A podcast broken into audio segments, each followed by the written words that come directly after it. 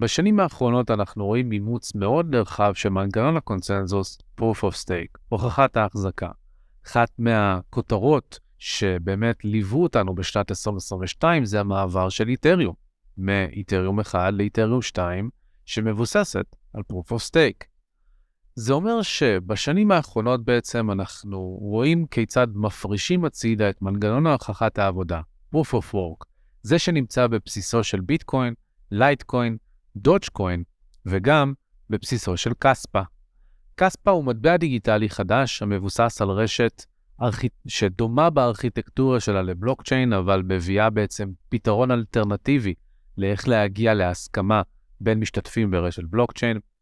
והזמנתי את יונתן סומפולינסקי, שהוא המייסד של קספה, לשעבר המייסד והמנכ"ל של דאג לאבס, שזו השם של הטכנולוגיה, דאג, שיסביר מה הדברים שהוא ראה עוד מהיותו חוקר באוניברסיטה העברית, תחת פרופסור מאוד מוכר בתחום, כיצד עם הזמן הוא התפתח להכיר לעומק את האידיאולוגיה שעומדת מעבר לתחום, ואיך זה בא לידי ביטוי בבנייה שלו של מודלים אלטרנטיביים שבאים לידי ביטוי בתוך כספה עצמו, ומהביקורת שלו על Proof of Stake, על ביטקוין, לאן הוא רואה את, התח... את עתיד התחום מתפתח, ובאמת שהייתה כאן שיחה מאוד מורכבת מצד אחד ומאוד מעניינת. יונתן מגיע מהרקע הטכנולוגי האקדמי, ואני שימשתי בתור המפרשן שעושה סדר בעצם בדברים המורכבים שקורים במאחורי הקלעים, שמכיוון שאנחנו במועד שבו אנחנו בונים את התשתית, אנחנו צריכים להכיר אותם כדי לקבל החלטות טובות יותר כמשקיעים, כיזמים ועוד. אני רוצה להזכיר ששום דבר שיונתן או אני אומרים לא צריך ולא אמור לשמש כהמלצה לפעולה או כייעוץ השקעות, אלא אתם ילדים גדולים, תעשו את המחקר שלכם עצמכם וקבלו את ההחלטות לבדכם. עכשיו, בואו תכירו את יונתן.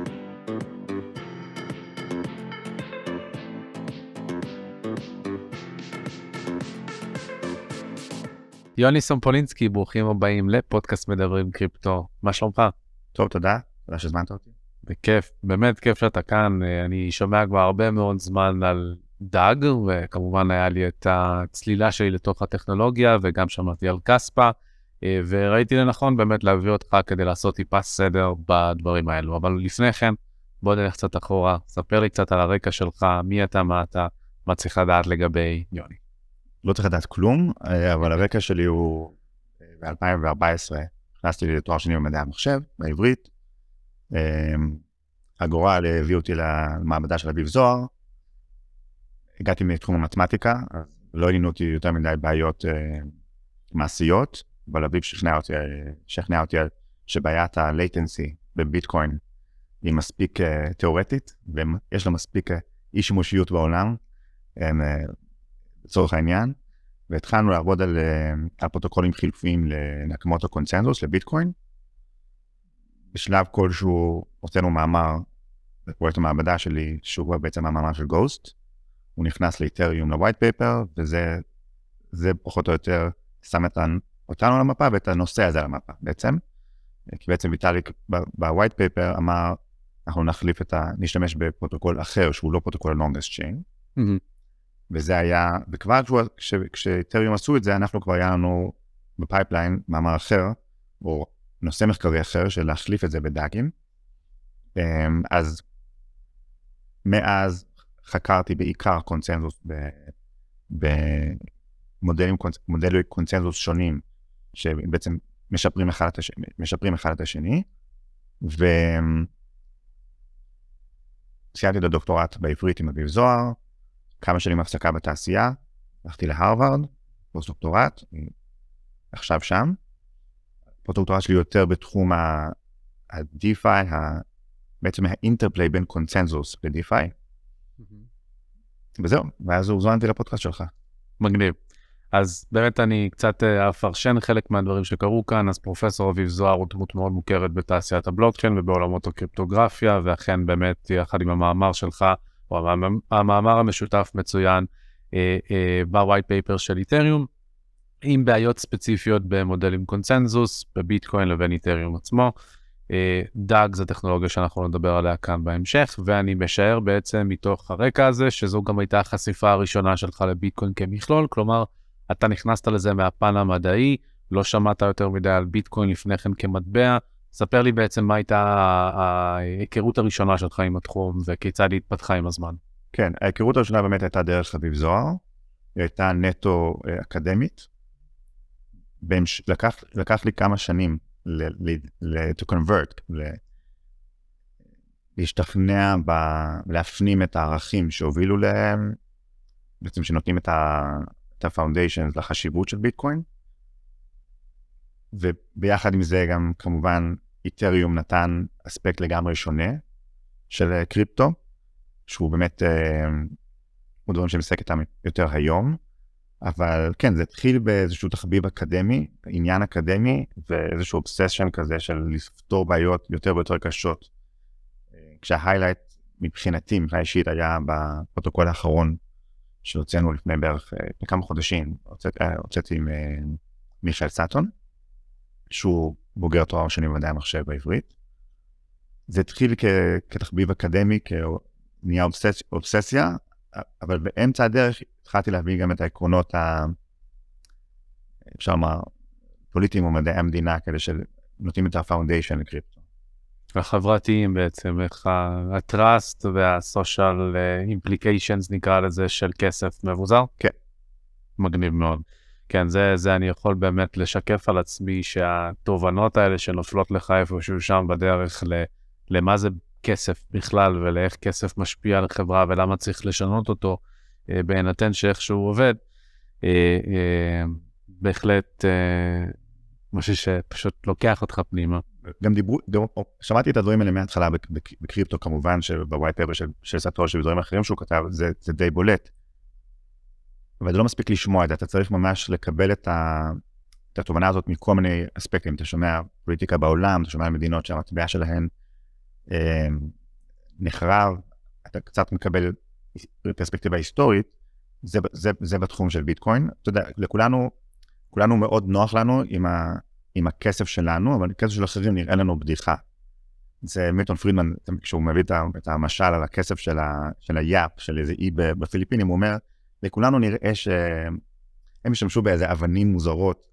לכולנו נראה שהכסף של אחרים הוא, הוא איזושהי אשליה, אבל הכסף שלנו, יש, לו, יש בו ממשות. וברגע שאתה מבין את זה, אתה מבין שגם הכסף שלך הוא אשליה, ואז אתה אומר, אוקיי, אז איך בעצם בונים, מה נותן לאשליה ממשות? מה נותן לה robustness? מה, מה הופך אותה לטובה יותר או פחות, ליעילה טובה יותר, ליעילה יותר או פחות לחברה? אז זה ככה מה שלקח לי באמת שנים לעבוד איתו, ויותר מהם בעצם פתחו אפיק אה, אחר של, של, של אה, מה החשיבות של פייננס. זה באמת אה, נושא אחר לגמרי. חד משמעית, שגם זה מעניין יהיה לשמוע את, את הפרספקטיבה שלך. אבל באמת, אתה מפתח דבר שנקרא דאג, שתכף אתה תיתן את הפירוט של מה זה, אבל הגעת לשם במקום שבו בעצם זיהית בעיות בבלוקצ'יין של ביטקוין, בבלוקצ'יין של איתריום, במנגנוני קונצנזוס.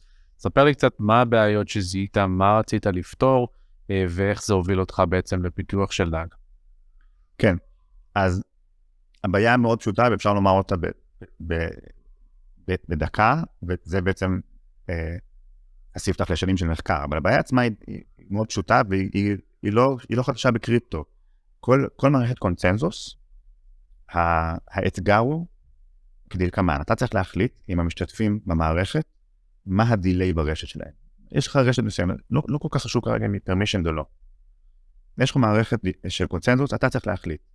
האם אתה יודע מראש את ה delay ברשת, חסם על ה delay, נגיד, אצלי במערכת 100 מילי שניות, אצלי במערכת 10 דקות, אצלי חסם, לא צריך לדייק. והדיליי רלוונטי כי זה בעצם משך הזמן שלוקח להגיע להסכמה. ב- ב- בסדר שני כן, בסדר הראשון, כי אתה צריך להחליט, אוקיי, אה, כי, לא מאה אחוז, כי אתה צריך להניח שלא מאה אחוז מהנוד שלך יתנהגו כמו שצריך. חלק יפלו בגלל בעיות באינטרנט, חלק אה, אה, יופעלו על ידי שחקנים יותר אסטרטגיים ופחות אה, אלטרואיסטים שמצייתים לפרוטוקול. אתה צריך להחליט איזה חלק מהמערכת שלך אתה מחשיב כאונסט. אה, כמשתף פעולה, זה, זה ה basics של כל פרוטוקול קונצנזוס, אחרת לא היה צריך קונצנזוס. אם כל השרתים שלי רק רוצים לשתף פעולה, צריך, רק צריך קצת randomness ואתה מגיע לקונצנזוס. אבל אם יש לך חשד, או חשש, ואתה רוצה להגן מפני קטסטרופות, או אפילו network hiccups, ופשוט בעיות ברשת, אתה צריך להחליט מה נחשב node טוב שמשתף פעולה ומה נחשב node רע, ש... או כושל. וחלק מההחלטה הזאת קשורה לשאלה עד כמה ה node הזה מתקשר טוב. אם יש לי node שתקוע מאחורי firewall בבייג'ינג, ולוקח לו דקה לתקשר עם הרשת, זה טוב או לא טוב? אז לביטקוין זה, זה בסדר, ואיתריום הוא יעוף מהמערכת, הוא, הוא יחשב כ node רע. אז דבר ראשון צריך להחליט מה ה delay ברשת. וכבר ההחלטה הזאת, מתי אתה מחליט אותה? זה hard coded במערכת שלך, פעם אחת החלטת וזהו, המערכת צריכה לנצח להישאר בהחלטה הזאת, או שזה דינמי. ואלה סוגי השאלות שאתה חייב, אה, שכל מתכנן של פרוטוקול קונצנזוס חייב לתת את הדעת עליהן, זה, זה בעצם עיקר האתגר. אני רק אתן פרשנות קטנה בינתיים, באמת אה, ברשתות בלוקצ'יין יש את הצמתים, את ה nodes, לפי התיאור פה של יוני, שבעצם אלו המחשבים שמתקשרים את הבלוקים ואת המידע אחד לשני כדי להגיע לאמת המשותפת. כולם מחזיקים בעותק של אותה מחברת חשבונאית של הבלוקצ'יין או של מאגר המידע, והם צריכים להסכים על המידע הזה, ובגלל זה יש דינמיקה חשובה של איך התקשורת עובד, עוברת בין אותם מחשבים, ומכאן גם צומת או נוד, שזה אותם מחשבים. כן, סליחה. נכון, ו... וחשוב להבין שאם אתה מחליט שהרשת שלך, אם אתה סוגר את הרשת שלך, או שהיא לא סגורה, אבל אתה פשוט מחליט שמבחינת תקשורת, הנודים הלגיטימיים או הטובים במערכת שלך, הם צריכים להיות במרחק של 200 מילי שניות אה, communication delay ברשת, אה, מבחינת התקשורת שלהם, אוקיי, אז, אז אתה, אתה, אתה, אתה, יהיה לך performance מעולה בתוך, ה, בתוך הרשת שלך כשהכול תקין, אז אתה תהיה יותר, אתה תהיה יותר, אתה תהיה הרבה פחות אה, פתוח לקבל נודים, כי נודים שנמצאים במרחק יותר מ-200 מילי שניות יחשבו בעיניך כ faulty, כנודים כושלים או שלא משתפים פעולה עם הפרוטוקול. ומצד שני, יהיה לך performance, אז יהיה לך performance מדהים בתוך הקליקה שיצרת, שהיא מאוד ריכוזית, ואם אתה חברה ריכוזית, אם אתה בנק, מן הסתם זה בסדר לך, אתה תעבוד בתוך data center, ו-200 מילי יהיה לך סבבה. אם אתה רשת uh, ענקית, אתה תרצה להיות הרבה יותר פתוח, ואתה תרצה גם להגן על עצמך מפני תרחישים שהאינטרנט יותר איטי. במערכת ריכוזית, איך אתה מגן על עצמך מפני תרחישים כאלה? אתה אומר, אוקיי, היה בעיה ברשת, אתה קורא ל-IT שלך ש... שיעשה איזה rollback, או, ש... או, ש... או שיחבר את הכבלים, או שיתקן את ה... יחזיר את ה database ל consistency, בסדר? אני כמובן מגזים בקלות ובוולד שנתתי פה ל-IT, אבל בערך זה, אתה פחות נזהר מ doomsday. אומר, אוקיי, נטפל בו. כאן אתה צריך להיות, אין לך מישהו ריכוזי שיכול עכשיו לתקן את המערכת, to plug in, to plug out. אתה צריך שהמערכת תעבוד בכל התנאים, וכאן יש הרבה טרייד אופים, אתה צריך להחליט עד כמה אתה חששן. מה, אתה רוצה עכשיו בלוק בעשר דקות כי אתה נורא חששן, או כי נוצרת ב-2009? מצד שני, אתה רוצה בלוק אה, כל 200 מילי שניות, כמו מערכות אה, 6 היום, והן מאוד מבוססות על זה שהכל בסדר ו-200 מילי שניות זה עובד. אתה צריך להחליט פה כמה אתה חששן וכמה אתה, you're optimizing for safety, or for security, or for speed. כן. כן, אז המהירות מול הבטיחות זה ה trade-off העיקרי. ובעבודות שלנו זה עיקר, זה דבר, עיקר ה trade-off שרצינו ל, אה, אה, רצינו להוציא, רצינו לומר אתה יכול לקבל את הטוב משני העולמות, גם להיות הכי מהיר שאתה יכול בזמני שלום, כשהכל, כשהרשת עובדת כמו שצריך, וגם בטיחותי, כמובן בימי שלום, אבל גם כשהרשת נופלת. כן. זאת המטרה. אז בעצם מה שאתה מתאר זה סיטואציה שבמסגרתה אתם מנסים לפתור, הבעיות שאתם זיהיתם זה את אותן בעיות שהן המדוברות ביותר היום בתחום, וזה מה שנקרא טרילמת הבלוקצ'יין.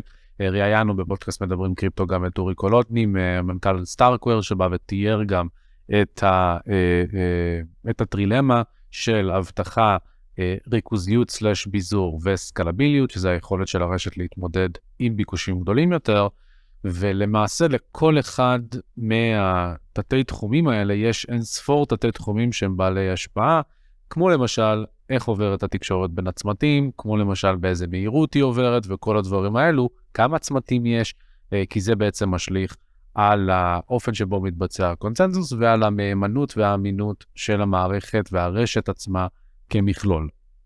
ובעצם אתה אה, רצית לפתור את הטרילמה בדרך אחרת, נכון? נכון, יש פתרונות שהם הם אורתוגונליים אחד לשני. למשל, אה, אה, פתרון של, אה, של, סטאר, של סטארקוור הוא קשור לסקלביליות.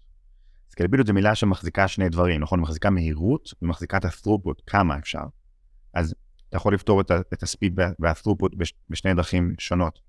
אז, יש פתרונות שהם פשוט אורתוגונליים אחד לשני, והם שניהם עוזרים לפתרון הטר, הטרילמה. בסדר גמור. אז זה באמת הוביל אותך לפתח אה, טכנולוגיה או סוג של Distributed Ledger Technology, מונח שנקרא DLT, שהבלוקצ'יין נכנסת כ, כ, לתוך הקטגוריה של הדבר הזה, ובאותה קטגוריה יש אלטרנטיבה. מה זה דאג, מה זה הראשי תיבות של הדבר הזה, איך זה עובד ומה זה שונה מבלוקצ'יין. אוקיי, אז, אז אני מציע שאנחנו לא נדבר בכלל על דאג, ונשכח, ושכל כל התעשייה תשכח מדאג. אמ, בואו נדבר על קונצנזוס מקבילי, או asynchronous קונצנזוס, אם נשתמש במונח פחות מדויק, אבל יותר קליט. קונצנזוס א-סינכרוני. קונצנזוס א-סינכרוני, המשמעות היא שבעצם קונצנזוס, בין אם אתה רוצה או בין אם אתה לא רוצה, בין אם אתה מתכנן את זה במפורש או לא, הוא עובד בסיבובים. הצמתים מדברים אחד עם השני, מחליטים מה קרה מאז הסיבוב הקודם, נגיד הסיבוב הקודם, יכול, להיות, בביטקוין הסיבוב הקודם היה לפני 10 דקות, בסדר, אבל, אבל בגדול, פרוטוקולים אחרים אצלם הסיבוב הוא 15 שניות. ה- הצוותים מחליטים מה קרה בסיבוב הקודם, ולפי זה מחליטים מה יקרה בסיבוב הזה, מפרסמים את התוצאה, ומתחיל סיבוב חדש. עכשיו, כמובן, לכל מיני פרוטוקולים יש דינמיקות, דינמיקות אחרות ומאוד שונות לגבי איך נראה הסיבוב הזה, ועד כמה הוא baked in בתוך הפרוטוקול, או שהוא פשוט implicit. אבל בגדול, כל, ה, כל הפרוטוקולים אה, עובדים, עובדים בשיטה הזאת. עכשיו השאלה היא, אה, אם הסיבוב שלך הוא, הוא באמת, אה, הוא באמת נראה, אה, נראה ככולנו יושבים, כל הצוותים מדברים אחד עם השני, מקבלים החלטה, מפרסמים את, ה, מפרסמים את, ה, את, את התוצאה בצורה, בצורה מסודרת, אז זה נקרא פרוטוקול סינכרוני, כן? באמת בעצם אומר, מחכים שנסכים, לא משנה אם זה כרגע 10 דקות או, או 200 מילי שניות, מחכים שנסכים, מפרסמים את ההסכמה, מפרסמים בלוק, יכול בלוק של proof of work proof of stake, לא משנה.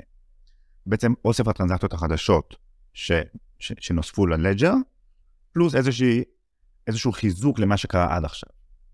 ככה, ככה עובדים פרוטוקולים סינכרוניים. בפרוטוקול אסינכרוני, שוב, אני משתמש, אני משתמש deliberately במונח שהוא לא לגמרי, לא לגמרי הדוק. אקדמית, אבל... אז פרוטוקול אסינכרוני, הוא יאמר, לא, אמ, בוא נעשה את זה הרבה יותר רועש ומהיר, קצת כאוטי נראה, אבל מהיר, כל, כל אחד מהמשתתפים יפרסם כמה שיותר מהר, אפשר לדבר על, על כמה, אבל כמה שיותר מהר את כל הטרנזקציות שהוא רואה. לא יחכה לדבר עם אחרים, לא יחכה להסכים עם אחרים. אני שובר את הסדר בסיבובים האלה, אני פשוט אומר, כל מיינר, כל, כל משתתף בפרוטוקול, כל הזמן מספר מה, מה הוא רואה מהצומת שלו, ו... ואז נוצר לך בלאגן, כי כל הצוותים מפרסמים דברים שיש ביניהם קונפליקטים לכאורה, או עשויים להיות בין, ביניהם קונפליקטים של דאבל ספנד וכאלה, ואתה מקבל איזושהי מהירות או smoothness של, הפרוט... של, ה... של הדינמיקה, כי פשוט כל משתתף כל הזמן מפרסם, והפרוטוקול צריך לעשות סדר בדבר הזה. הסידור הזה של האירועים, הוא מאפשר את העקביות, את ה-consistency, כי בעצם אחרי שאני רואה בלאגן מול העיניים בלג'ר שלי, אני צריך לסדר אותו. אז אם אתה, אם אתה, שואל, אם אתה שואל מאיפה מילה, מגיעה המילה דג, היא מגיעה מזה שכשכולם אה, מפרסמים כל הזמן דברים שהם רואים, הבלגן הזה נקרא דאג, זה Directed Acyclic Graph, זה גרף קשיר חסר מעגלים, שזה בעצם, תחשוב פשוט על גרף של בלוקים שכל אחד מצביע לא רק על השרשרת הארוכה ביותר או הכבדה ביותר, אלא על כל, הב... על כל הבלוקים האחרונים שהוא ראה. אז נוצר לך פשוט ויזואלית דאג, זה אין לזה שום קשר כמובן לפיש, כן. אבל אז, אז נוצר לך דאג, ו... והדאג עצמו הוא לא משהו, הוא לא משהו מעניין, הוא, הוא לא הפתרון או הבעיה, זאת, זאת הטעות שאנשים עשו בתעשייה, הם חושבים שדאג הוא פתרון למשהו. דאג הוא לא פתרון לשום דבר, זה כמו שתחשוב שצ'יין זה פתרון למשהו. לא, ה-longest chain in proof of work זה פתרון לבעיה מסוימת, אבל צ'יין עצמו, סטטו שלא המציא את המושג צ'יין, ואנחנו לא המצאנו את המילה, את המושג דאג. דאג זה data structure, זה כמבנה נתונים ידוע. דאג מאפשר לך לנסח את הבעיה של קונצנזוס, את האתגר של קונצנזוס בצורה מאוד אה, raw, כלומר, אתה, אתה מסתכל על המערכת ואומר, אוקיי, יש לי, יש לי אה, מערכת בצורה הכי הכי בסיסית, כל המשתתפים מספרים לכולם כל הזמן מה קורה במערכת, ועכשיו מפתחי הקונצנזוס צריכים לתת לנו אלגוריתם, הפרוטוקול, לעשות סדר באירועים ובקונפליקטים. הבנתי. אז אני אנסה באמת uh, להסביר את זה שוב, ויש לנו רשת בלוקצ'יין, בלוקצ'יין זה שרשרת בלוקים, ואנחנו יודעים שזה סינכרוני, מכיוון שכמו שהסברת, מחכים שבלוק ייחרה, כדי ליצור, להתחיל לעבוד על הבלוק הבא, וליצור ככה את האמת המשותפת בין כל הצמתים, בין כל המחשבים שמריצים את התוכנה, כשהמטרה המרכזית היא בסופו של דבר ליצור בעצם מערכת מבוססת אמון, מבלי שיהיה צורך באמון בגוף ריכוזי או בשחקן בודד. עכשיו, כמו שהבלוקצ'יין עושה את זה לעסקאות חשבונאיות כמו ביטקוין, או לחוזים חכמים יותר מורכבים כמו איתריום, היא עושה את זה ברצף ליניארי, יש בלוק מספר 0 ו-1 ו-2 ו-3, מה שדאג עושה כטכנולוגיה או כפרוטוקול או כמבנה נתונים, זה לזרוק את הכל ביחד כבלגן. כלומר, אם אני עכשיו רואה שאתה עשית עסקה ושהוא עשה עסקה ושהיא עשתה עסקה וכולם עשו עסקות, אני רואה את כל העסקאות האלה, אני יורה אותם לתוך בלוקים קטנים יותר, כי זה קורה במהירות הרבה יותר גבוהה, והתפקיד של האלגוריתם, כמו שיש בביטקוין מנגנון קונצנזוס שמסתמך על כוחות חישוב, פה האלגוריתם, שגם נשען על כוחות חישוב, פשוט בצורה אחרת, צריך למפות בצורה נכונה את העסקאות, כדי לדאוג שאם אני עושה עסקה או רואה עסקה שקרתה כאן, אני לא אאשר עסקה אחרת שחולקת את אותן כתובות או חולקת את אותן כספים. כי הרי המטרה כאן, בזה שאנחנו יוצרים אמ-, אמת משותפת, היא לפתור את הבעיה המרכזית, וזה הבזבוז הכפול, שאני לא אוכל להשתמש באותו כסף פעמיים, אז הדג נותנת לנו אה, יכולת נתונית אחרת לעשות זאת עם ארכיטקטורה שונה. אה, האם פרשנתי את זה נכון? מדויק, אתה, אתה מוזמן לכתוב את הפרשנות להרבה מהמאמרים שלנו, זה יתקבל, יתקבל ככה טוב יותר. עוד מטאפורה שאפשר להשתמש בה זה, אה, הזכרת את הליניאריות, וזו מילה מאוד נכונה. בבלוקצ'יין קלאסי, אתה, אתה יכול לדמיין את כל ה users כאנשים שמחכים בתור לבנק, ויש clerk אה, אה, אחד, אה, פקיד אחד, פקיד אחד ש, ש, שמטפל בכולם, וזה טוב, כי אז באמת הוא דואג שיש עקביות, שאתה לא יכול לעשות double spend, שמספר 3 בתור ומספר 7 בתור, מספר 7 בתור לא יכול לעשות משהו שסותר מספר 3 בתור. אז הוא מטפל בכולם אחד-אחד. וקונצנזוס אסינכרוני, אם אתה רוצה, אתה יכול לקרוא לזה DAG, קונצנזוס אסינכרוני אומר, אוקיי, נשים פה הרבה פקידים. הם, הם, הם ישרתו את כל הלקוחות כמה שיותר מהר. אם, אם, אם אתה יכול, אם יש לך בחדר, אם יש לך באולם של הבנק, מקום לאלף פקידים, שים אלף פקידים. תן ל users שירות כמה שיותר מהיר. האי סובלנות זה הערך, הערך היסוד פה. אל תיתן אף אחד לחכות. הגעת לבלוקשיין, תן, תן את הטרנזקציה שלך ולך הביתה. תוך כמה שניות, רצוי תוך כמה שניות, כן, אם זה לוקח יותר אז לוקח יותר, מאחורי הקלעים יש אה, סידור שכל הלקוחות האלה יכולים להריץ בפלאפון שלהם ולראות מה קרה. כן, זה לא, אין פה משהו אה, נסתר. כולם יכולים לראות איך הטרנזקציות שהפקידים אישרו וחתמו עליהן, הם, הם מסודרות בצורה מסודרות, ובעצם אנחנו משחזרים את הליניאריות. בסוף פרוטוקול קונצנזוס חייב לשחזר את הליניאריות של המערכת כדי שתהיה עקביות באמת משותפת, כמו שתיארת. אוקיי, okay. אמ, um, זה באמת היה מרתק. אני רוצה להציף פה שאלה, כי באמת אה, אחת מהדוגמאות הראשונות לאימפלמנטציה כלשהי שמבוססת על קונצנזוס אסינכרוני אה, הייתה IOTA. אה, בשנת 2017, שהייתה הרבה מאוד ביקורת על... השימוש. צריך לשתות. הייתה הרבה מאוד ביקורת על השימוש בעצם בקואורדינטור, בסקוונסר, בעצם בסוג של אלמנט ריכוזי שנמצא בתוך אותה מערכת, שהוא זה שמסדר את התור מחדש, אחרי שזורקים בבלאגן על הפקידים את כל העסקאות, כל הלקוחות וכל הדברים האלה, אותו קואורדינטור בא, נכנס למשוואה וזה הוא זה שעושה את הסדר, והוא נוהל על ידי גוף ריכוזי. אז האם זה קיים גם כאן, או שמא יש פה משהו חדשני לגמרי, שתכף אתה תסביר אותו גם כן. עוד דקה, אנחנו חוזרים. אני רוצה לתת לכם הצצה לאחד מהדברים שאני הכי נהנה לעשות בשנה האחרונה. מסלול בלוקצ'יין אקספרט, קורס ייחודי וממוקד עם הסמכה רשמית של הלשכה לטכנולוגיות המידע בישראל שיהפוך אתכם למומחים בטכנולוגיית הבלוקצ'יין. מאחורינו כבר כמה מחזורים, יותר מ-100 משתתפים, ביניהם רואי חשבון, עורכי דין, סוכנים, יועצים, בכירים בתעשייה המסורתית ובתעשיית הקריפטו, וכולם באו ללמוד מהמרצים המומחים ביותר בתעשייה. הבלוקצ'יין הוא אחד מהתחומים הלוהטים ביותר בעולמות הפיננסים והטכנולוגיה, ולמרות התקופה המאתגרת שהשוק הזה עובר, החברות והתאגידים הגדולים בעולם, כמו בנק לאומי, ויזה, פייפל, ג'יי פי מורגן, מבינות שהטכנולוגיה כאן כדי להישאר, מגייסות עובדים ומפתחות מוצרים במרץ. אבל העובדים האלה צריכים ידע והכשרה מקצועית, וזה בדיוק מה שאנחנו מספקים. אם אתם רוצים לקדם את הקריירה והעסקים שלכם ולהיות בחזית של עולם הטכנולוגיה והתעסוקה של המחר, זאת ההזדמנות שלכם. שריינו את מקומכם במחזור הבא של בלוקצ'יין אקספרט. כל מה שאתם צריכים לעשות זה להשאיר שם וטלפון בקישור למטה, ואנחנו נדאג לשאר.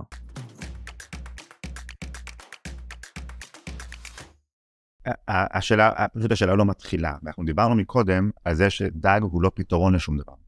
DAG הוא ניסוח נכון של הבעיה של קונצנזוס. אז מה שקרה בתעשייה של קריפטו, זה שבגלל שתעשיית קריפטו נחשפה לה, לא, לא משנה אם בצדק או לא בצדק, נחשפה לה למושג DAG דרך זרוע ה marketing של ה IOTA, אנשים חשבו שדאג מייצג פתרון. ו- ו- ולכן אני מאוד נמנע מלהשתמש במושג דאג, כי זה כמו שאני אומר, הקונספט שלי הוא מבוסס שרשרת. אוקיי, זה, אתה, אתה מנסה, זה לא מעניין, אתה צריך לסדר את הדאג בצורה מסוימת. אם אתה עושה את זה עם proof of work או בלי proof of work, זה, זה עולמות שונים. אם אתה עושה את זה עם קורדינטור או בלי קורדינטור, זה עולמות שונים לחלוטין. הבנתי אותך. אז בוא באמת תספר איך אתם עושים את זה עם קספה. מה זה Kaspa? אז אוקיי, אוקיי עכשיו קודם כל נספר את זה איך עושים את זה אה, אה, תיאורטית. אה, אז תיאורטית כל, יש לך את המיינרים שעושים proof of work, אה, משתמשים בכוח החישובי שלהם כדי ליצור בלוקים, כמו שאתה מכיר מביטקוין. רוב, רוב השאלות על, על, על, על, על הפרוטוקולים שלנו, זה פרוטוקול SPECTRE, פרוטוקול PHANTOM, PHANTOM GHOSTDAG, והפרוטוקול החדש הוא DAG KNIGHT. תכף אני אעשה סדר בפרוטוקולים האלה, אבל המשותף להם הוא שרוב השאלות שאתה שואל את עצמך, איך זה עובד שם, התשובה היא כמו בביטקוין. מיינר מקבל בלוק, עושה פוף, אה, אה, רואה, רואה את הלג'ר, עושה proof of work, מכניס טרנזקציות חדשות, עמלות, כל מה שאתה מכיר מביטקוין, כמעט הכל אותו דבר. מה שונה? שונה שהמיינר מכניס לבלוק שלו פוינטרים לא רק לשרשרת הארוכה ביותר, אלא לכל הבלוקים האחרונים שהוא ראה ברשת, זה דבר ראשון ששונה. ודבר שני, שאם אתה רוצה להבין האם טרנזקציה מסוימת התקבלה או לא, לא מספיק לך לראות האם היא בשרשרת הארוכה ביותר, כי כבר אין כזה דבר. גם אם היא מופיעה בדג, יכול להיות שהיו קונפליקטים בצד אחר של הדג, ואתה צריך באופן מבוזר, בלי שום קורדינטור ובלי שום אה, טריקים, אתה פשוט צריך לתת אלגוריתם שיחליט האם זה נכנס או לא נכנס. אז אה, אנחנו כמובן לא נכנסה את הפרוטוקולים פה, אני, אני אתן את האינטואיציה. האינטואיציה היא... לפני שאתה נותן את האינטואיציה, לטובת מי שלא מכיר את חוק השרשרת הארוכה ביותר בביטקוין, תוכל לתת על זה הסבר קצר? כן, אז בוודאי. אז, אז בביטקוין, אם אה, כל שרשרת באופן אה, אינדיבידואלי היא עקבית, שרשרת לא יכולה להפעיל סתירות. אבל, אז איך יש סתירות אה, פוטנציאליות בביטקוין? אה, מיינר אחד קרא בלוק, נגיד מספר 700, ושחרר את זה לרשת. בזמן שהוא שחרר את זה, miner אחר במקום רחוק מהרשת, שעדיין לא קיבל את, ה trans... את הבלוק שלו, או שעשה כאילו הוא לא קיבל את זה, כן, זה לא משנה אם הוא רחוק בגלל שהוא מאחורי firewall, או כי הוא אסטרטג, זה לא מש... או תוקף, זה לא משנה. הוא לא קיבל או לא הכיר בבלוק שלו, וקרה בלוק מספר 700 חילופי. עכשיו, בביטקוין, בין אם הבלוקים האלה לא מכילים קונפליקטים או לא, זה לא משנה, הבלוקים האלה נחשבים כסתירה, ועכשיו מתחילה תחרות. מי יכרה מעל הבלוק הזה את הבלוק בלוק מספר 701. והראשון שמצליח, מפרסם את זה, ושאר הנודים, שאר הצמתים הטובים, משתפי הפעולה, שלא נשלטים על ידי התוקף, ישתפו, יחקו את הבלוק שלהם על, ה, על הבלוק ה, על השרשרת הארוכה יותר, כמובן ישברו שוויון בצורה כלשהי, מי, שיתקבל ראשון בדרך כלל. אז, אז בביטקוין סתירות נפתרות בזה, סתירות נראות כמו פיצול בשרשרת, ששני מיינרים... אמ, ששני בלוקים נוצרים בו זמנית. שני בלוקים נוצרים בו זמנית בערך, ויכול להיות שהסתירה הזאת המשיכה ליותר מדרגה אחת, יכול להיות שיש כמה ליירים, ואז יש לך שרשרת עם חמישה בלוקים מול שרשרת עם שמונה בלוקים, כמובן שדברים כאלה קורים או בגלל שיש באג במערכת בדרך כלל, או שיש תוקף מאוד powerful. אמ, אז ככה ביטקוין, והכלל בביטקוין הוא, תאמת את השרשרת שיש לה יותר כוח חישובי, שמייצגת יותר כוח חישובי. והאינטואיציה בביטקוין אה, היא, היא, היא, היא ברורה, ההנחה היא שרוב הכוח החישובי מוחזק על ידי בלוקים טובים. ברגע שההנחה הזאת נשברת, הפרוטוקול נשבר כמו כל פרוטוקול קונצנזוס. אם אין לך רוב ויש לך תוקף במערכת, אתה לא יכול להגיע לקונצנזוס. אז זה, וקל להראות למה הדבר הזה עובד, זה, זה, זה כלל השרשרת הארוכה ביותר בביטקוין. הפרוטוקול פרוטוקול מבוסס DAG הכי קרוב ברוחו ש, ש, ש, אה, לביטקוין שאנחנו יצרנו, זה פרוטוקול PHANTOM GHOSTDAG, כתבתי אותו גם עם אביב זוהר ועם שי, שי ויבורסקי. הפרוטוקול הזה אומר, במקום, עכשיו, עכשיו אני מזכיר לנו רגע, יש לנו, יש לנו עכשיו דג, יש לנו בעצם בלאגן. ה-DLT שלנו זה לג'ר עם המון בלוקים שבכל מיני שכבות, פשוט תדמיין בראש שרשרות מחוברות ומפוצלות, ואתה לא יודע מה קורה. אבל האמת היא שאתה כן יודע מה קורה. כי אם אתה יודע ש-51% מהרשת לפחות היא טובה, ואם אתה מניח שיש לך סם, נגיד, רבע שעה, אה, הכי, אה, תגזים מבחינתי, רבע שעה, אה, אין יותר מרבע שעה דיליי בין בלוקים, בין צמתים טובים, אז אתה יודע, אז איך יראה על הבלגן? בבלגן אתה תוכל לזהות סדר. באיזה סדר אתה תזהה? סליחה, אתה תזהה שבכל זאת, בוא נתחיל ככה, כשאין תקיפה, כשאין תקיפה, הדג יהיה יחסית מסודר. הדג, בסוף, בסוף צמתים חדשים מצביעים על בלוקים האחרונים שהם ראו, אז הדג לא יהיה רזה כמו שרשרת, אבל הוא לא יתפזר לכל מקום. בסוף יהיה לך מין שרשרת עבה שצומחת לאט לאט. ככה אתה צריך לחשוב על זה אה, ויזואלית בראש שלך. יש, דג זה בעצם שרשרת עבה שצומחת, אה, אה, יכולה לצמוח בקצב, בקצב, בקצב האינטרנט, אבל השכבות נבנות לפי קצב התקשורת ברשת, אבל במקביל נוצרים לך הרבה בלוקים. אז יש שרשרת עבה שצומחת, וכשיש תקיפה, מה שאתה יכול לזהות אינטואיטיבית זה שעדיין רוב הבלוקים, או אתה תזהה איזשהו רוב, 51 אחוז, של בלוקים שהם כן מחוברים היטב אחד לשני. כשהמילה היטב מחביאה פה המון, אה, המון, כן, הרבה ניואנסים שאנחנו לא ניכנס אליהם. אז אם בעצם אני מנסה לפרשן, אם בביטקוין אנחנו מגיעים uh, להסכמה על בסיס השרשרת הארוכה ביותר, מתוך תובנה שבאמת הקוראים יבחרו להשקיע את האנרגיה בבלוק שהם חושבים שהוא הבלוק התקין, שעומד בחוקים, ואם זה לא יהיה המצב, אז הרשת בלוקצ'יין עצמה לא תקינה כמכלול והקונצנזוס נשבר, אז על אותו משקל, אם בארכיטקטורה מבוססת דג נוצרים מלא מלא בלוקים בו זמנית, במקום לחכות שהבלוק הקודם ייכרה, הם מצביעים לכל הבלוקים שהם ראו, ולאחר מכן קורה הסדר הבלאגן באמצעות האלגוריתם של אחד מהפרוטוקולים, PHANTOM GHOSTDAG, PHANTOM DAG. PHANTOM GHOSTDAG, והפרוטוקול בגדול, במקום לבחור את השרשרת הארוכה ביותר, בוחר את תת, הג, תת הגרף או תת ה DAG הכבד ביותר. אוקיי. Okay. Um, ספר לי קצת על הרקע של כספא. בעצם uh, ציינת את אביב, והאם אביב מעורב גם בכספא, ציינת את שי, מי החבר'ה שעומדים מאחורי כספא, uh, וקצת על מה שעבר עליכם עד היום. זאת אומרת, בוא, בוא נצא רגע מהזירה הטכנולוגית המעמיקה יותר, ובוא ניכנס פרופר לכספא כרשת בלוקצ'יין, כרשת דג. אה, אמ, רשת קונצנזוס. רשת קונצנזוס וכמטבע דיגיטלי. אז, אמ, אז לקראת סוף הדוקטורט ב-2017, גיא קורם פנה אליי ודחף אותי ל... להקים את DAGlabs. הקמנו ביחד את DAGlabs, שזה היה for profit company למטרת מימוש DAG. בזמנו לא החלטנו עדיין על המודל, אבל גייסנו כסף ממשקיעים, לא, לא ב craze של, של אה, ICO, זה היה כסף שיחסית נתון במונחי אה, קריפטו של אז, כמה מיליוני דולרים, בעיקר מפוליצ'יין, מי שמכיר, ופתחנו חברה בארץ, ולאורך החברה עברה הרבה אה, תהפוכות ורכבת הרים רגילה של סטארט-אפים.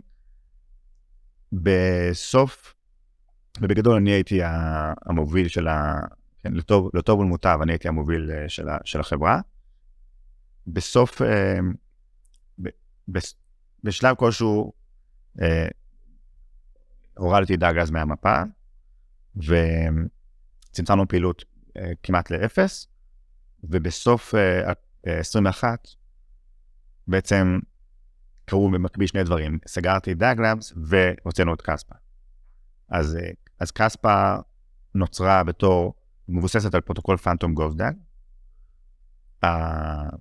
האנשים, אתה יודע, זה מפתחים שהם, אני לא יודע אם אנשים, כל האנשים שעומדים מאחורי זה רוצים uh, לקבל פומביות, בסך הכל זה, זה קהילה יותר uh, Bitcoinish uh, מבחינת ה vibe, אז אני, אז אני לא, ככה לא רוצה, אבל זה מפתחים של, מפתחים של DAG, הדמויות הפומביות היום בקספה, בין השאר זה מיכאל ושי, מיכאל סאטון שציינתי מקודם, באוניברסיטה העברית, היה באוניברסיטה העברית, עכשיו הוא בעיקר בקספה.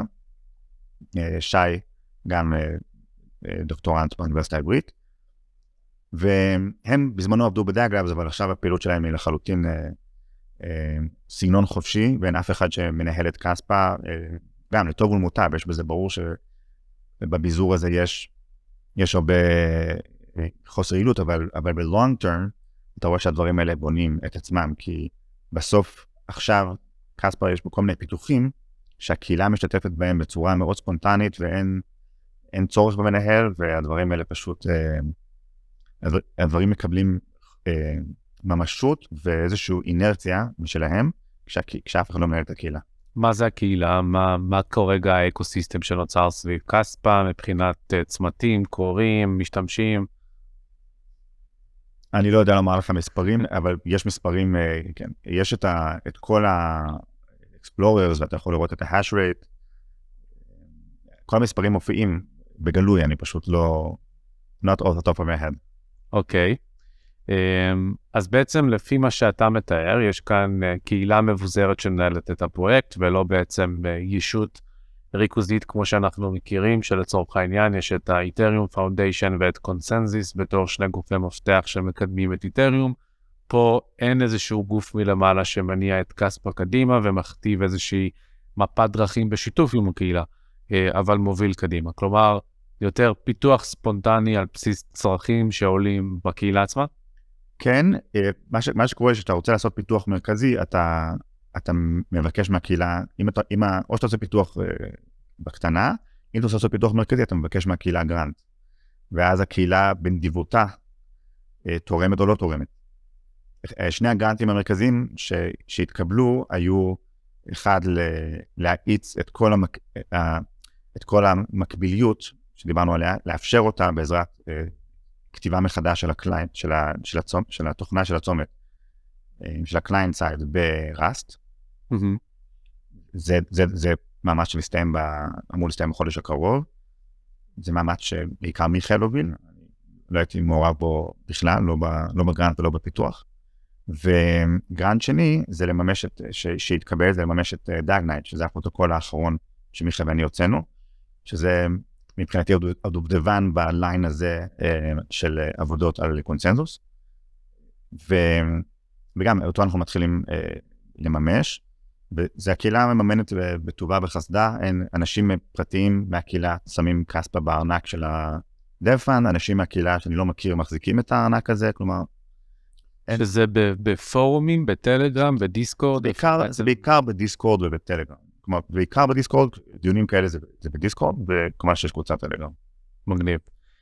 Um, דיברנו הרבה על ביטקוין ועל ההשוואה מול ביטקוין, ואני חושב ששם, אה, אלא אם כן יש לך משהו ספציפי שאתה רוצה להוסיף על במה כספה שונה מביטקוין ואיך זה בא לידי ביטוי, אז אתה מוזמן לעשות זאת עכשיו, אבל באמת אחד מהדיונים שעולים, בין היתר בדוגמה שנתתי עם uh, סטארקוור, uh, זה עניין סקלביליות במודלים שמבוססים על proof of work, שבסופו של דבר כספה מבוסס על proof of work שהאימפלמנטציה שלו נשענת על דג, אה, לעומת proof of stake, שבאמת אה, אתה לימדת אותי, נזקוף לך את הקרדיט, שיש הרבה חורים בסיפור, ושproof of stake לא בהכרח אומר יותר סקלביליות. אז אני אשמח שתתייחס בעצם אה, בקונטקסט של סקלביליות להבדלים בין proof of work כמו שמוטמע בביטקוין או בקספה לבין proof of stake שראינו את המעבר הגדול בין איתרם לאיתרם 2. אנחנו יודעים שכלל רשתות הבלוקצ'יין המובילות היום מבחינת נפחי שוק, אה, אה, שווי שוק כמו אה, אה, B&B צ'יין או פולקדוט או סולנה, הן כולן proof of stake, אז איך זה בא לידי ביטוי שם? כמו שאמרת, הסיפור הזה, יש בו, יש בו חורים. בגדול, זה it's ש-proof of stake יש לו יכולות סקלביליות יותר גדולה, יותר גדולה מ-proof of work, זה בכלל של חברות אחרות. אני יכול... אה, כן, מה זה proof of stake? proof of stake אומר, במקום להשקיע כוח חישובי ביצירת בלוקים, אתה משקיע כוח כלכלי. בגדול, אתה הקפאת כסף במערכת בראונד הקודם. זה בגדול מה שמשותף ל... זה- וזה בהנחה שאתה גם לא עושה אותו ל liquid staking כמו שממציאים היום. כן, אז הוא גם לא מוקפא, כן. ובהנחה שגם אין לך backdoor, כמו שהפרויקט עבור, אה, שאתה רומז עליו עשה. אז, אז בגדול זה שכבה לחלוטין אחרת, וזה נכון שהיסטורית, מה שקרה זה, שככל שה... כן, זה פשוט טעות שהיא אה, מקרית, היסטורית. מה שקרה בתעשייה זה שהפרוטוקולים החדשים יותר, גם היו מהירים יותר וגם השתמשו ב-proof of stake. בגלל, בעיקר בגלל אה, אה, אידיאולוגיות אה, של, של, כן, של אנרגי. עכשיו, אני יכול לקחת לך, אוקיי, אז יש, יש, יש פרוטוקולים של proof of stake, יש מערכות של proof of שעושות לך 60 אלף טרנזקציות בשנייה, בסדר? לי אין בעיה לממש לך את כספא עם 60 אלף טרנזקציות בשנייה. אין לי שום בעיה. אני פשוט אכ- אכריז ב hard fork, כאילו אני צריך לעשות hard fork כמו שאין אסור, אבל נגיד ב genesis block, על ההתחלה אני אומר, גודל הבלוקים הוא אה, מתאים ל-60 אלף טרנזקציות בשנייה. אז אם יש 10 בלוקים בשנייה, נעשה 6,000 טרנזקציות בבלוק. אין לי שום בעיה. זה לא קשה. ה trade-off הוא עניין של, של ה-decentralization, נכון? אם, אם אני עושה אה, מערכת שהיא כל כך high throughput, אז להריץ צומת יהיה קשה. אז מי יריץ את הצומת? ה-core devs, או ה- כמה חבר'ה שמתמחים ב-DevOps, יריצו לך צמתים ב... אה, כן, ב- באמזון, אבל צמתים אה, עם high capacity, וזהו. ואז אתה, הרשת תשלט לך על ידי עשרה צמתים, לא על ידי אלפי צמתים. פרויקט מאוד מפורסם שיש לו סקלביליות מטורפת, כן, לכאורה, סולנה, עשה לך כמה פעמים restart של כל המערכת. פשוט לא משנה לה כרגע מי גרם לזה, אם זה קשור לסקנדלים אמ, של SBF או לא, זה פשוט, זה מערכת שיש לך 12 בערך נודים, צמתים שמריצים אותה. אז אני, אז אין בעיה ב-proof of work לעשות אה, איזה מהירות שאתה, כן, איזה, איזה throughput שאתה רוצה. לגבי המהירות, הפרוטוקול, פרוטוקול DAGKnight האחרון ש, ש, שייצרנו, שכתבנו, הוא פרוטוקול ש, שבהגדרה אתה לא יכול להיות יותר מהיר ממנו. כלומר, הוא, הוא, הוא, הוא משיג לך, הוא, הוא דוקר לך את החסמים הבסיסיים שאתה לא יכול, אתה לא יכול הרי לקבל, אה, לאשר טרנזקציה בפחות מ-communication delay באינטרנט. אז במובן הזה, תיתן לי כל סקלביליות של כל מערכת proof of stake, and I can match it ב-proof of work. האם proof of work טוב או לא טוב זה דיון אחר לחלוטין מבחינת ההשפעות, אה, כן, על, ה, על, אה, על האנרגיה. אבל זה לחלוטין מקרי, לסיכום, זה לחלוטין מקרי שהפרוטוקולים החדשים הם גם הרבה יותר מהירים ומשתמשים פשוט בהרבה יותר, אה, ב-throughput הרבה יותר גבוה, כי פחות אכפת להם מביזוריות. זהו, זה הקשר ה- ה- היחיד והוא מקרי לחלוטין. מגניב. אם כבר פתחנו באמת את הרביטול הזה של proof of stake, מה, מה התפיסה שלך באופן כללי כלפי רשתות מבוססות proof of stake, המסרים שמועברים על ידיהם, בין אם זה decentralized network כמו סולנה שהיא לא באמת decentralized, או המהירות, או הדברים האלה, מה בעצם הביקורת שיש בך אה, על proof of stake? אין, אין לי ביקורת אה, גנרית על proof of stake. בגדול יש לך במחנה ה-proof of בתוך proof of work, יש לך שני מחנות. יש לך את המחנה שאומר, והיסטורית, זה היה דיון שהיה יותר, יותר ער בקהילה, כי באופן כללי מחנה proof of work הוא מחנה שקצת הזדקן והתעייף, יחד עם, יחד עם, ה, עם העייפות הכללית של מחנה ביטקוין. אבל יש לך שני מחנות, יש לך את המחנה שאומר ש-proof of work חשוב בשביל בטיחות של הרשת, כן, שבלי זה אין לך בטיחות, וזה נכון שיש אלמנטים של proof of work שמאפשרים לך בטיחות, למשל, פרוטוקול DAGKnight, שהוא מבוסס proof of work, וגם פרוטוקול פנטום, הם משיגים לך בטיחות נגד תוקף של עד 50 אחוז. פרוטוקולי proof of stake לא יכולים בהגדרה להגיע לזה. הם צריכים, תוקף שגדול משליש יכול אה, לתקוף, זה, הם, הם, הם מוגבלים על ידי חסמים יותר אה, קלאסיים. אז יש עניין של בטיחות, יש מחנה אחר שאומר, זה לא, זה לא, זה לא העניין, זה לא העיקר, העיקר הוא איך, איך, אה, איך עושים bootstrap למערכת של כסף. איך אתה מייצר כסף יש מאין. אם אתה מייצר כסף יש מאין, לפי המחנה הזה, סתם על זה שהחלטת בג'נסיס בלוק, שכך וכך עשית בעצם פרי-מיין ל-100% או לעשרות אחוזים מהספליי שלך, זה לא מתכון לכסף uh, יציב או לכסף שיש לו תכונות טובות. ואני נמצא, אני, כן, אני, אני נמצא, הכל, והכל יש, uh, זה לא חד משמעי. אני נמצא יותר במחנה השני, ש-proof of work הוא, הוא דרך מאוד נכונה לעשות bootstrap לכסף. במובן הזה, אם איתריום לא היה עושה פרימיין, אמ, אז איתריום עשה את הדרך, הלך בדרך הנכונה של להתחיל ב-proof of work, לבנות קהילה בצורה, אה, לבזר את הקהילה, אחרי כמה שנים איתריום כן הייתה קהילה מאוד מבוזרת, מבחינת הקוראים, אמ, ואז, ואז אם, אם, יש, אם, אם, אם האג'נדה התכנסה לשם, אז לעבור ל-proof of stake. זה נראה לי דרך נכונה.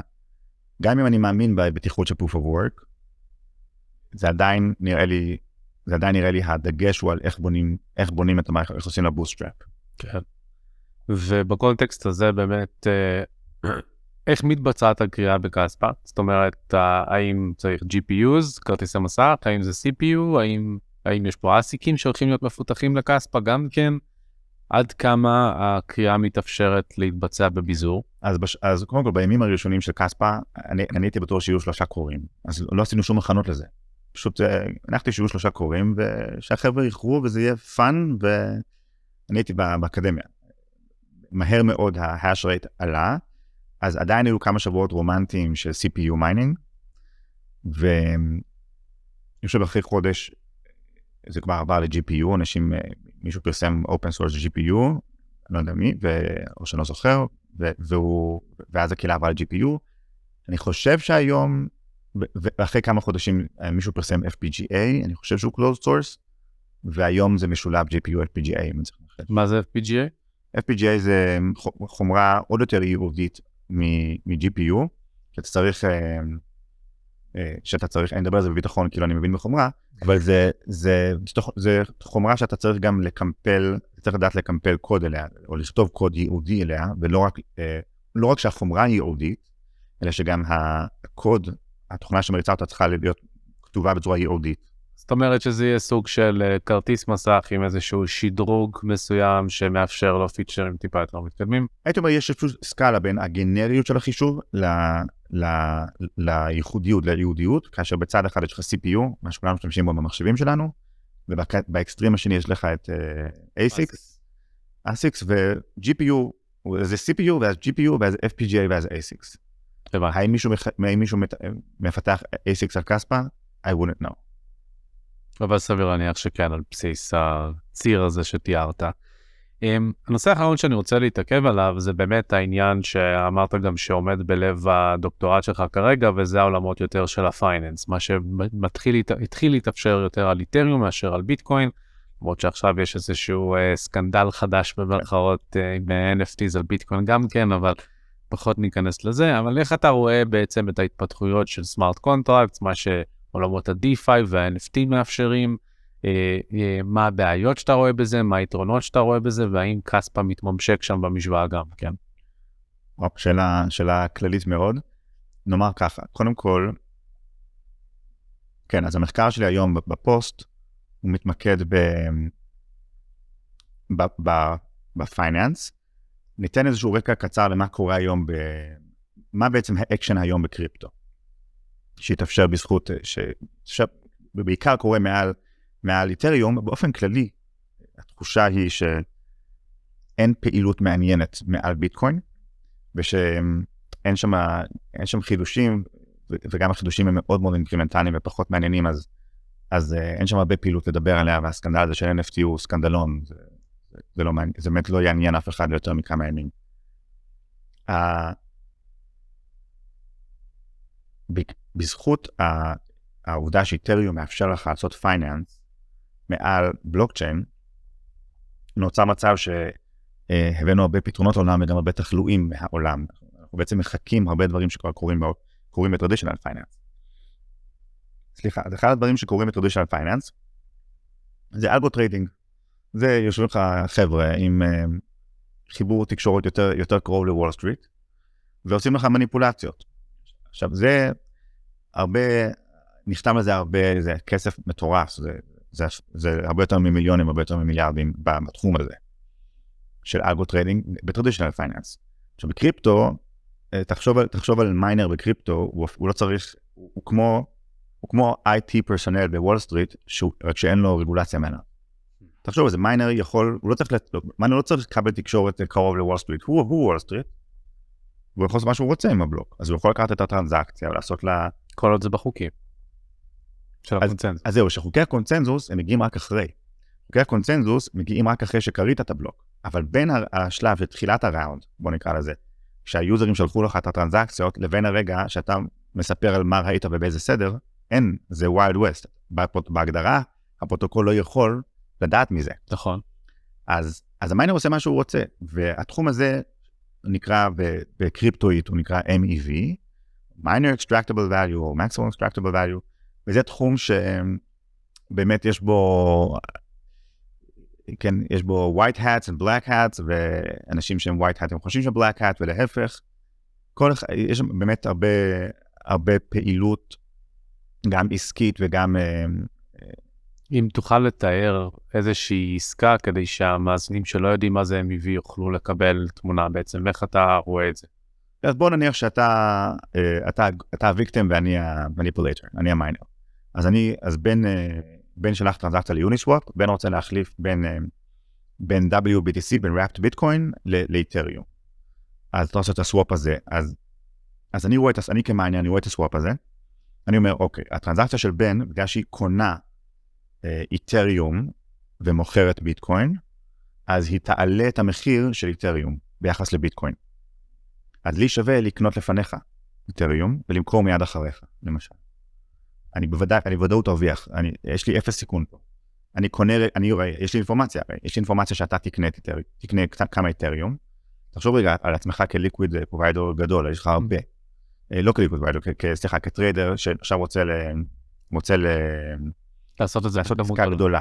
אז אני, אתה תעלה את המחיר בהרבה, אני, אני נכנס לפניך, אתה עושה את מה שאתה עושה, אז המחיר, המחיר שלך נהיה גרוע יותר, בגלל שאני הגעתי לפניך, אני יוצא מיד אחריך, ובאפס סיכון, ובאפס חשיפה, הרווחתי על חשבונך. זה נקרא sandwich attack. Um, זה דוגמה למשהו שמיינרים עושים די בקלות וגם היום, הם, יש, יש דאטה שהם עושים את זה וזה המון המון כסף. עכשיו, זהו, זה, זה דוגמה, או דוגמה כללית של ארביטראז', trader, user עשה איזושהי עסקה, ועכשיו המחיר, המחיר אה, ב, נגיד ב Uniswap הוא, הוא שונה מהמחיר ב SushiSwap למשל. אז עכשיו miner יכול להיכנס ולעשות את, העסק, לעשות את החילופים האלה ולהרוויח מזה. Mm-hmm. גם השאלה של על חשבון מי זה, זה שאלות, חלקן אה, פילוסופיות כלכליות, חלקן פשוט, בחלקן יש גם victim ברור, כמו בדוגמה הראשונה שהבאתי לך. כן, אז איך זה מתחבר בעצם לה, להתפתחויות שאתה רואה ולמה שאתה עובד עליו במחקר? אז אז זה מתחבר בש, בשני אספקטים. line uh, אחד של מחקר, זה, זה קשור למקביליות של, uh, של הקונצנזוס, או צאצאת ה DAG. תחשוב שכשהפרוטוקול הוא מקבילי, אז כן, בפרוטוקול שהוא ליניארי, ש, ש, שכל, uh, שכל סיבוב יש בעצם קורא אחד, גם אם הוא הוחלט uh, בצורה רנדומית או בצורה של הסכמה, יש בסוף קורא אחד שמחליט מה הבלוק, אז לקורא הזה יש את כל, את מלוא הכוח. כן, הוא מחליט בעצם, אה, הוא מסדר את הדונטות איך שהוא רוצה. תחשוב שאם עושים את הקונצנזוס מקבילי, אז, אז אתה, נגיד אתה, אתה עושה את העסקה הגדולה הזאת, אבל אתה לא, יכול, אתה לא יכול לפנות אליי, אתה יכול לפנות לכמה מיינרים במקביל. אז אתה יכול ליצור איזושהי תחרות בינינו, אה, איזשהו מכרז בינינו, לראות מי ייתן לך את המחיר הכי טוב, ואם הטרנזקציה שלך מקיימת אפילו, אה, היא כזאת אה, אה, רגישה ש, שאפשר להוציא ממנה הרבה כסף, יכול להיות שאנחנו נשלם לך בשביל, בשביל העסקה הזאת. אז בעצם זה, זה מה שנקרא kickback של MEV, עושים, או redistribution של MEV. אנחנו עושים, נותנים לך kickback, אז במובן הזה מגן על ה user, זה, זה line אחד של מחקר שאני עובד עליו.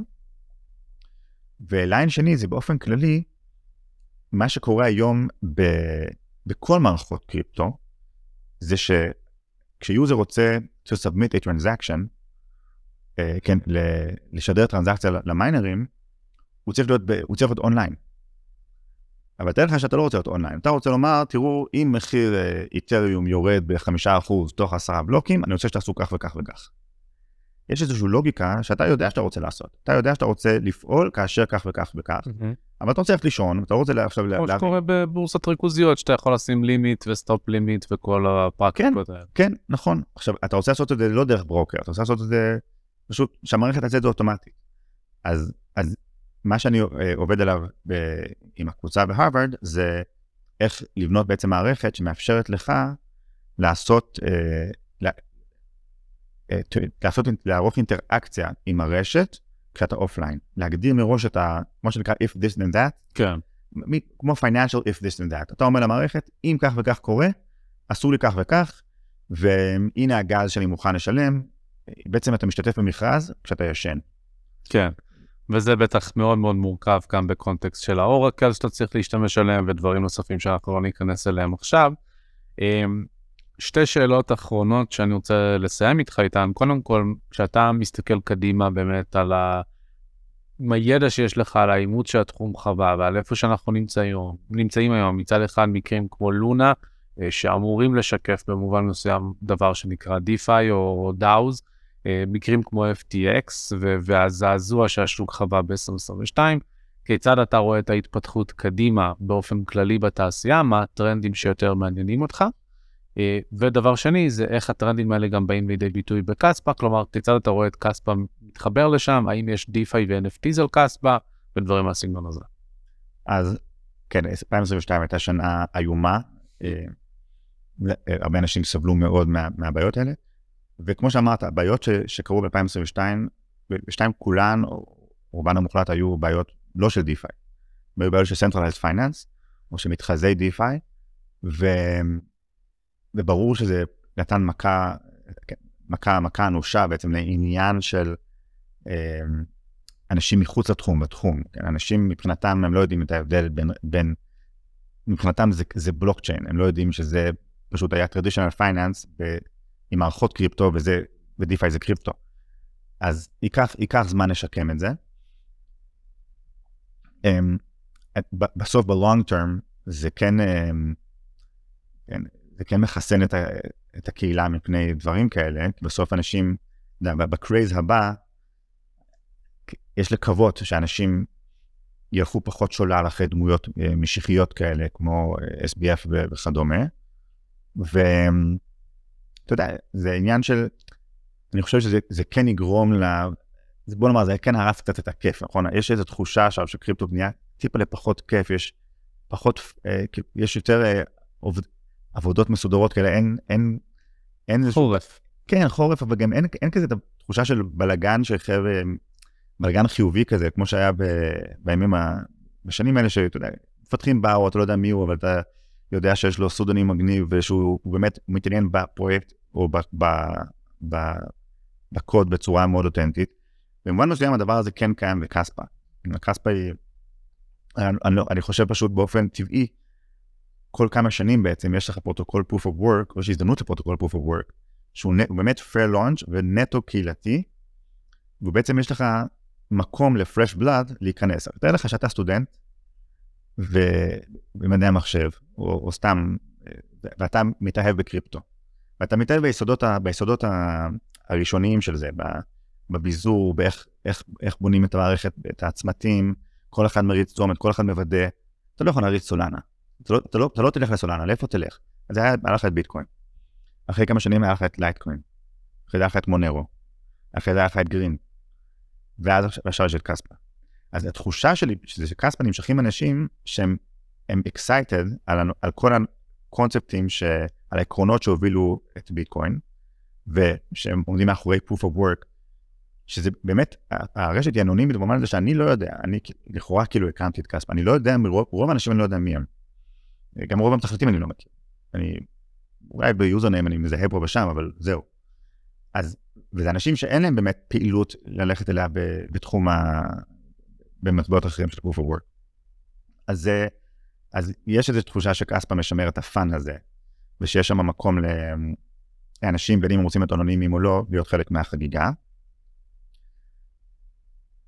זהו, שאלתך השנייה, על ההתפתחויות שאתה רואה לעתיד, והאם על, על Kaspa הולך להיות גם smart contracts, אימפלמנטציות של DeFi ודקסים ופולס כן. ו-NFTs. אז ככה, נראה, נראה לי שה, שהמסלול הנכון, לא רק לקספה, אלא ל, לכל פרויקט היום, הוא קודם כל להתכתב עם קהילת DeFi הקיימת. שזה אומר, גם אם אתה יוצר לעצמך, אה, גם אם אתה L1, אתה מערכת אה, בלוקשן עצמאית, ל, לשרת את, מערכ, את ecosystem DeFi הקיים, מה שנקרא Data Availability Layer, אם אתה מכיר את המושג, זה בעצם לומר, אנחנו גם, גם נשחק את, ה, את ה... גם, גם נלבש את הכובע של, של L2 או sidechain, שזה בעצם sidechain זה באמת L1 נפרד. Mm-hmm. אבל, אבל גם לתת את השירות של להיות L2 ל-DeFi קיים כמו איתריום. זה... זאת אומרת, ליצור גשר שיעביר את הפעילות, כמו שבמובן מסוים פוליגון עושים, כמו שסטארקוור עושים, לשמש כפלטפורמה שהאקוסיסטם של איתריום, שהוא הפורח והצומח ביותר בתחומי ה-DeFi וה-NFT, יוכל להתקיים במקביל גם על קספה. כן, מה שקורה היום עם הפרויקטים שציינת, כן, זה, זה באמת, זה פרויקטים שבכלל באיתריום, איתריום מתפרק לך ל... ל sub ecosystems נפרדים. הבעיה העיקרית ב rollups ובכל ה... ב-L2 בכלל באיתריום, זה שאין לך, אין לך composability, אתה לא יכול, אתה לא יכול לעבור מ... מ נגיד מ Arbitrum